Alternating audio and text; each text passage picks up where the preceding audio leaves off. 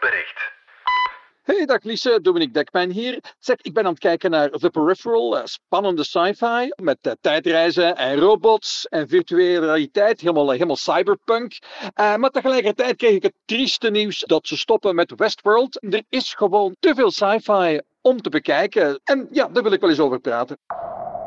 Ik ben Lise Bonduel en van de Standaard is dit Radar, je wekelijkse cultuurpodcast. Radar. Stel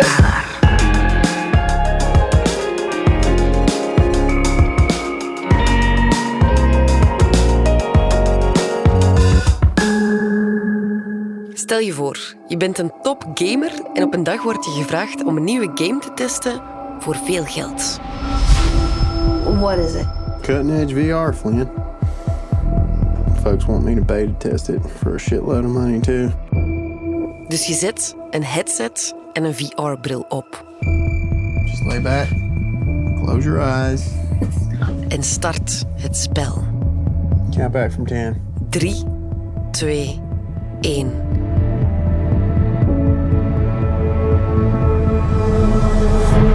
Je komt terecht in het jaar 2099. This is London. But London's 70 years from what you think of as the present. Je voert daar opdrachten uit, maar die voelen levensecht. It's like being there, in your body. You're inside the peripheral. Dat is verschieten, hè? Welkom bij Radar. Radar. Radar. Radar.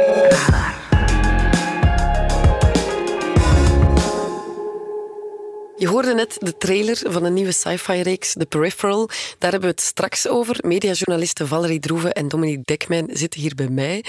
Dominique, als technologiejournalist verbaast het mij eigenlijk niet dat je een science fiction nerd bent. Dat zijn uw eigen woorden, hè? Ja, dat heb je wel eens vaak bij mensen die met technologie bezig zijn. En ja, ik ben daar op een uh, gevoelige leeftijd aan blootgesteld. Zowel aan, uh, aan de technologie zelf als aan uh, ja, de fictie erover. Hè. In de jaren zeventig opgegroeid. En wat had je dan op televisie? Ja, Star Trek. These are the voyages of the starship Enterprise. Its five-year mission to explore strange new worlds, to seek out new life and new civilizations, to boldly go where no man has gone before. En dat was sci-fi, maar dat was optimistische sci-fi. Dankzij onze technologie ontsnappen we aan onze planeet en eigenlijk ook wel aan onze eigen demonen. Ja, en als je moet kiezen, Star Trek of Star Wars? Ah ja, dat is inderdaad helemaal iets voor de mensen van mijn leeftijd. Ik ben dus Star Trek. Ik ben eerder Star Wars. Valerie, jij? Ja, ik ben een fan van uh, Dune. The outsiders ravage our lands in front of our eyes. Their cruelty to my people is all I've known. What's to become of our world? Uh, ik denk dat ik dan Aha. dichter bij Star Wars lig dan bij Star Trek. Ja. Nu, in de nieuwste sci-fi serie The Peripheral ziet de toekomst er niet bepaald rooskleurig uit, hè? Ja, precies. Het betreft dystopische sci-fi. Dat is meer het genre van het moment nu. Ja, dit is een reeks, we noemen dat het cyberpunk-genre. En in cyberpunk gaat het over grote kwaadaardige bedrijven, virtuele realiteit. En het gaat over mensen die omgebouwd worden in machines of machines die menselijk worden. En dat hebben we allemaal in The Peripheral. Het komt er eigenlijk op neer dat in de zeer nabije toekomst ongeveer alles tegelijk misloopt. Hè. Dus dit keer niet alleen maar een oorlog of alleen maar een pandemie, maar een pandemie en een oorlog en nog een economische ramp à la financiële crisis van 2008 erbovenop. Niet direct iets om blij van te worden. Hè. Wat vond je ervan? Is het een aanrader? Ik vind het fijn om te kijken. Het gaat flink vooruit. Maar ik moest tegelijk constateren dat we dit jaar zoveel goede sci-fi hebben gezien op televisie. We waren echt wel verwend dat ik ten eerste moest vechten om tijd te vinden voor The Peripheral. Want ondertussen loopt bijvoorbeeld op Disney Plus nog Andor. They're so proud of themselves. So fat and satisfied. They can't imagine that someone like me would ever get inside their house. Wat uh, eigenlijk veel mensen de betere sci-fi reeks vinden.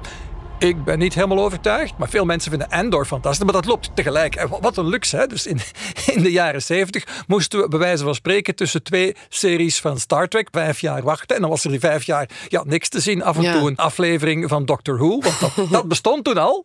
Maar nu, er is zoveel goede sci-fi te zien geweest.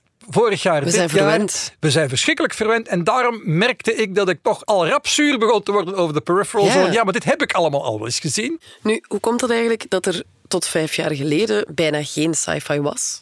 Ah, wel, het probleem met sci-fi is altijd geweest dat het eh, duur is om te maken. Dan, Ja. Behalve dan ja, de post-apocalyptische variant, dat is altijd eh, relatief goedkoop. Hè. Dan, maakt, Dan is de wereld een naar de. Voilà, een Ja. paar autovrakken in de straat leggen en daar door planten overgroeid uitziet. Eh, nee, sci-fi is duur om te maken.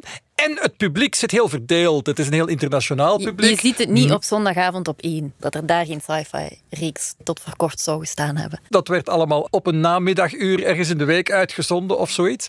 Maar dat je sci-fi kon maken die eruit ziet als pakweg Star Wars in, in de bioscoop, dat je dat kon maken voor televisie, is zeer recent. Ja. En dat je dat publiek allemaal op hun eigen moment dat kunt laten streamen over heel de wereld, ook dat is nieuw. Het maakt dat één niche in één land een groot publiek is, want je zendt Ja. uit over de hele wereld.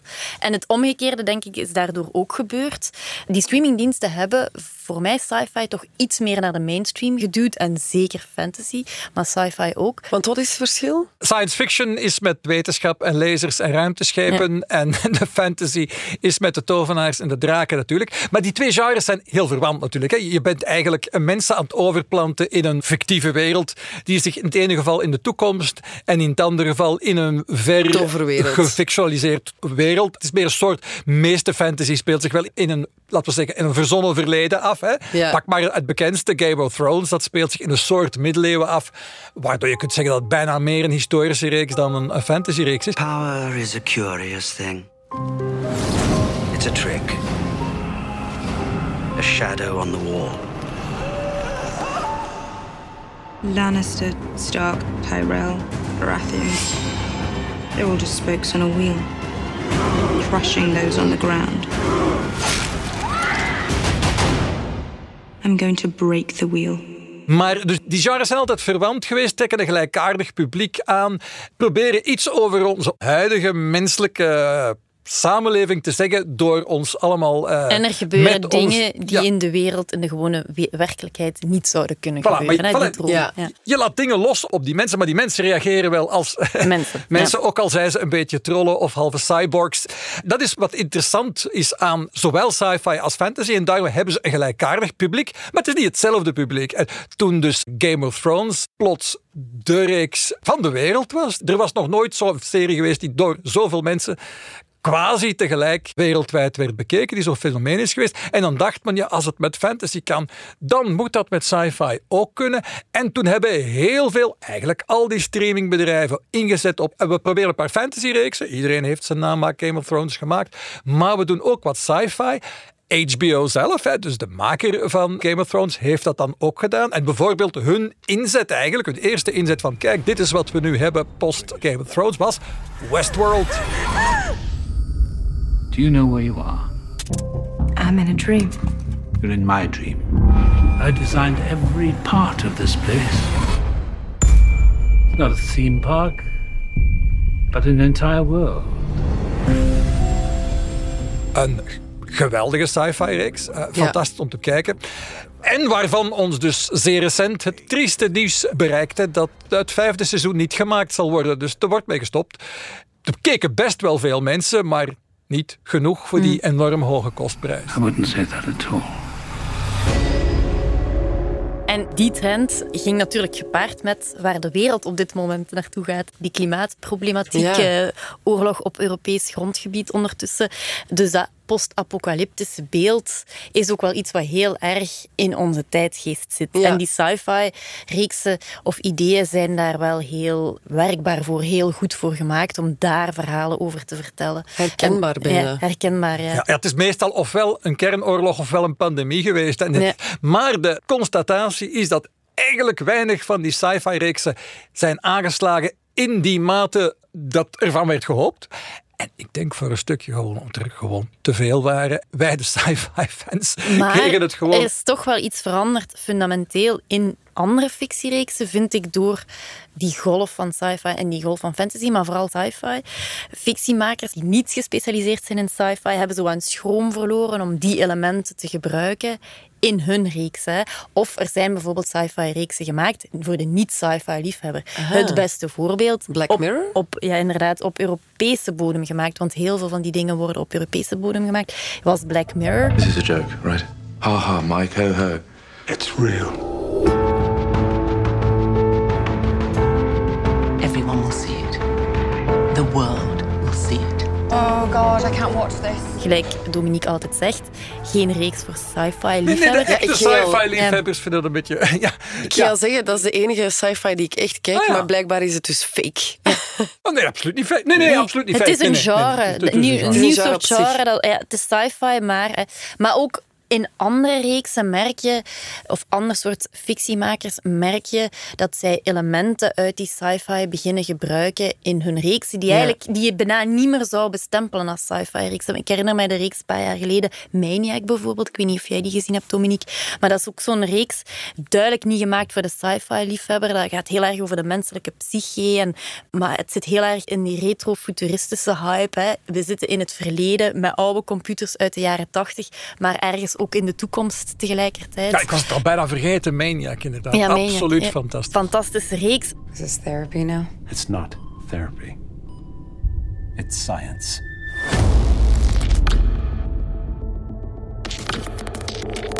Once you begin to appreciate the structure of the mind, there's no reason to believe that anything about us can't be changed. Pain can be destroyed. The mind can be solved. Maar je zou dat bijna geen sci-fi-reeks niet meer noemen, maar er zitten wel heel veel elementen in die, die ja, de technologie, het feit dat je in jezelf eh, een soort van tweede realiteit kan opzoeken, waar je allerlei verhalen... Het wordt bijna echt een structuur die fictiemakers gebruiken om ander soort verhalen te vertellen. Niet alleen de werkelijke verhalen, maar we duiken in onze psyche, we gaan kijken wie we hadden kunnen zijn in een andere realiteit. Heel dicht bij die Maniac ligt trouwens Severance nu op eh, Apple TV+. Plus. Ja, ook een fantastische ja. Ook genre. spelen van ja, die computers zien eruit alsof ze eigenlijk uit de jaren 90 komen Ja. of zoiets. Maar tegelijkertijd is de technologie veel verder gevorderd. Dat mengen van verleden en toekomst heel, eh, heel interessant. En ook altijd op thema's die heel erg van deze tijd zijn. Hè. Severance is een reeks die gaat over hoe we werknemers in bedrijven hun vrije tijd en hun werktijd, hoe dat ze ervoor moeten zorgen dat die verdeeld blijft. Hè. Dat gaat over werkbaar werk, bij wijze van spreken. Daar is een soort technologie voor ontwikkeld, waardoor dat die mensen dat kunnen. I give consent to sever my memories between my work life and my personal life. I acknowledge that once the procedure is complete, I will be unable to access my personal memories whilst on the severed floor. Say gratitude. Nor will I retain work memories. Hey! Sorry, when I return home at the end of the day. Die elementen, want zelf ben ik absoluut niet zo'n fan van sci-fi als Dominique is, maar ik ben wel fan van die reeksen die daaruit zijn voortgevloeid. Bijvoorbeeld een reeks als misschien de reeks van vorig jaar of afgelopen jaar. Stranger Things mixt toch ook heel veel sci-fi elementen. A war is coming. I'm afraid your friends at Hawkins are very much in the eye of the storm. Een van de grote trends, denk ik, die we dit jaar gezien hebben in fictie, is dat genres door elkaar gemixt worden. Ja. En Stranger Things is daar, denk ik, de grote kers op, de grote taart van. Hè? Die mixt horror met... Ja, zijn dit sci-fi elementen? Ik weet het niet. Dat retrofuturisme zit er ook wel in. Hè? En dat vind je al maar meer terug in fictie, zeker in jongere fictie. Mijn genre is echt coming of age. Dat zijn mijn, de reeksen die ik het meest Ja, omarm. daar heb je een zwak voor. Ook daarin zie je al maar meer fictie-elementen terugkomen. Vroeger was het grote genre waar iedereen naar keek op zondagavond, bij wijze van spreken, de whodunit. Hè? Wie heeft de moord Ja, gepleegd? ja. Dat was de drijvende kracht. Heb ik heel mijn jeugd, denk Ja. ik, naar gekeken. Iedereen. dat, dat is echt aan het vervangen worden door sci-fi, door Ah. coming of age, door reeksen waarin de realiteit helemaal verwrongen kan zijn.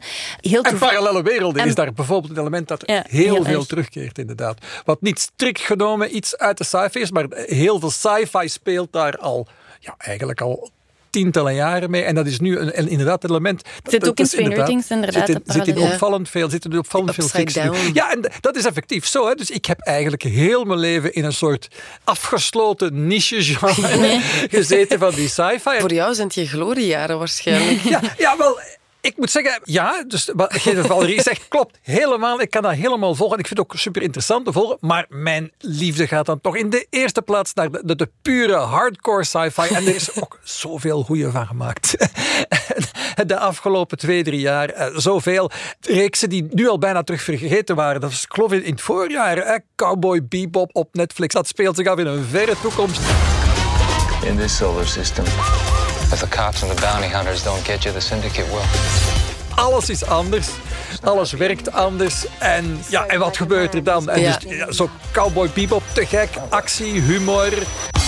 Do not shoot her. Please? No.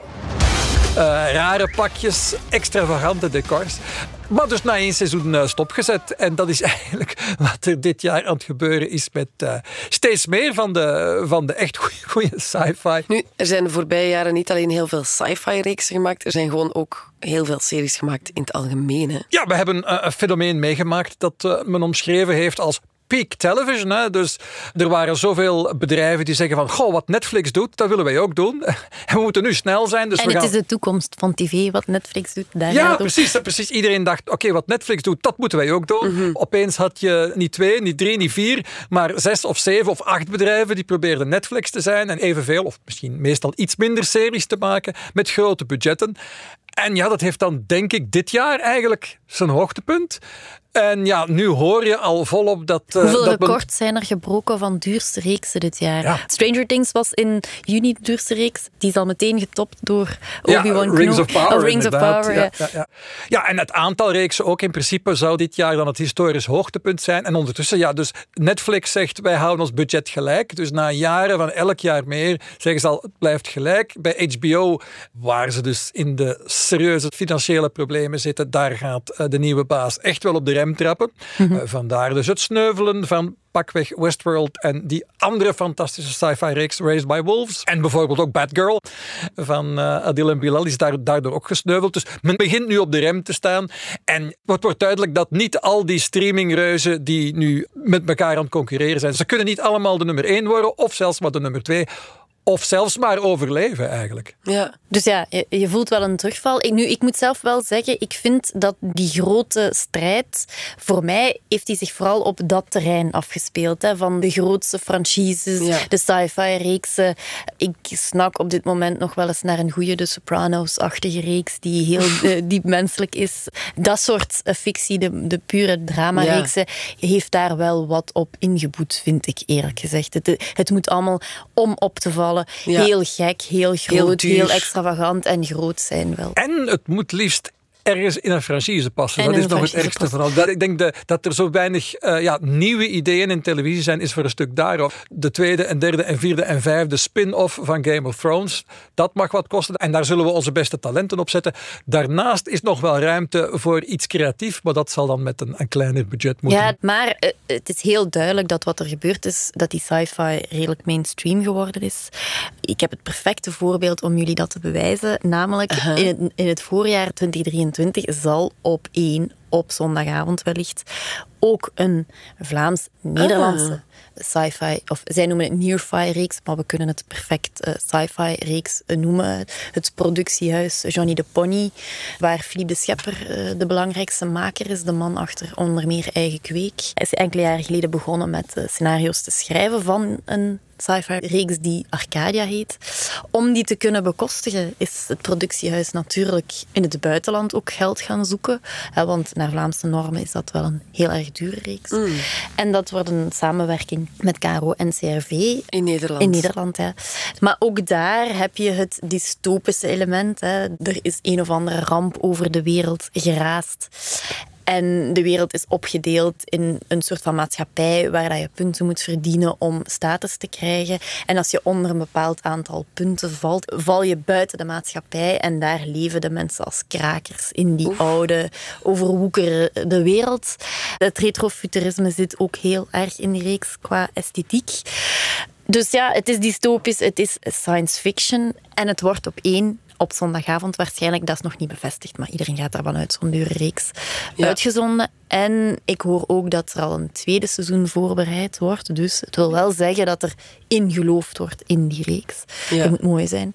Dus om maar te zeggen, terwijl we in het begin van dit gesprek zeiden van sci-fi op zondagavond was tot voor vijf jaar geleden totaal niet aan Ja, de orde. Daar kon jij alleen maar van dromen, back in Ja, the days Het gebeurt Star dus Trek. nu. Ja, ja, interessant om te zien. Wat, eh, ja, ik ben er heel benieuwd naar. Straks krijg je nog een must-see-lijst met de beste science fiction van het moment. Dat zou ik niet willen missen.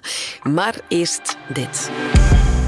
Waar lig jij wakker van? Wat moet ik opgeven voor mijn kind? Dat ik mij schuldig moet voelen over het klimaat. Vijf jonge redacteurs van De Standaard gaan op zoek naar antwoorden op persoonlijke vragen in de podcastreeks Klaar Wakker. Als ik nu bijvoorbeeld aan jou zou vragen van wat is voor u thuis zijn? Hoe kunnen we samen veiliger uitgaan? Is dat huis en die zekerheid mij dan zoveel waard? Luister vanaf 4 november naar de reeks Klaar Wakker in de app DS Podcast of op je favoriete podcastplatform. Bon, dus we kunnen de komende tijd inhalen wat we allemaal hebben gemist door het overaanbod. Welke sci-fi-series moeten we volgens jou echt zien, Dominique? Eh, wel, als we per streaming eh, reus gaan kijken, dus bij streams, eigenlijk de HBO-reeksen, zou ik zeggen toch, ondanks het feit dat er geen seizoen 3 komt, Raised by Wolves, het ziet er gewoon zo fantastisch uit. En zo'n raar idee. een, familie van menselijke kinderen die opgevoed worden door twee robots, heel gek. Eh, op Netflix. Ook een stopgezette reeks. Wat een zonde. Cowboy Bebop. Zoveel fantasie, zoveel actie. Of Altered Carbon. Alweer eh, stopgezet na twee seizoenen. Maar in beide gevallen is dat niet erg, omdat het toch wel redelijk afgeronde verhalen zijn. Op Prime de al afgelopen reeks, The Expanse. Super spannend. er is zoveel te zien op Disney Plus. The Mandalorian, zeker. Dat is de beste van de hoop. En dan vergeet ik nog Apple TV Plus voor All Mankind. Die speculeert op wat er zou gebeurd zijn als de ruimtereis tussen Amerikanen en Russen nooit was gestopt. Absoluut fantastische reeks. En Severance natuurlijk, waar we het eh, er net ook even over hebben gehad. Is er zelfs nog ruimte om daar iets aan toe te voegen, Valerie? Ja, ik, eh, als we het dan toch over Prime hebben, zou ik daar heel graag Tales of the Loop aan willen toevoegen. Ook een heel bizarre reeks, waar verschillende afleveringen door de Belg Tim Milans eh, geregisseerd zijn. Heel Ja. mooi, heel esthetisch. Kijk eens, het is echt prachtig. Ja, we hebben het ook al over Maniac gehad. Ik ook nog altijd, als we dat een sci-fi reeks mogen noemen, een topreeks. In december begint op streams hè, van HBO het tweede deel van het eerste seizoen van The Nevers. Wat ook Ja. iets heel tof is om naar te kijken.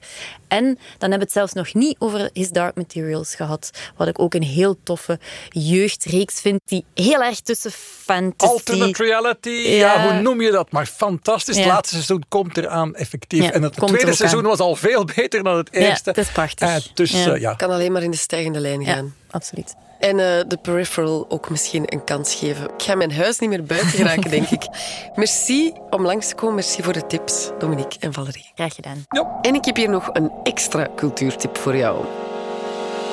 Radar. De tip komt deze week van... Geert van der Speten, cultuurredacteur.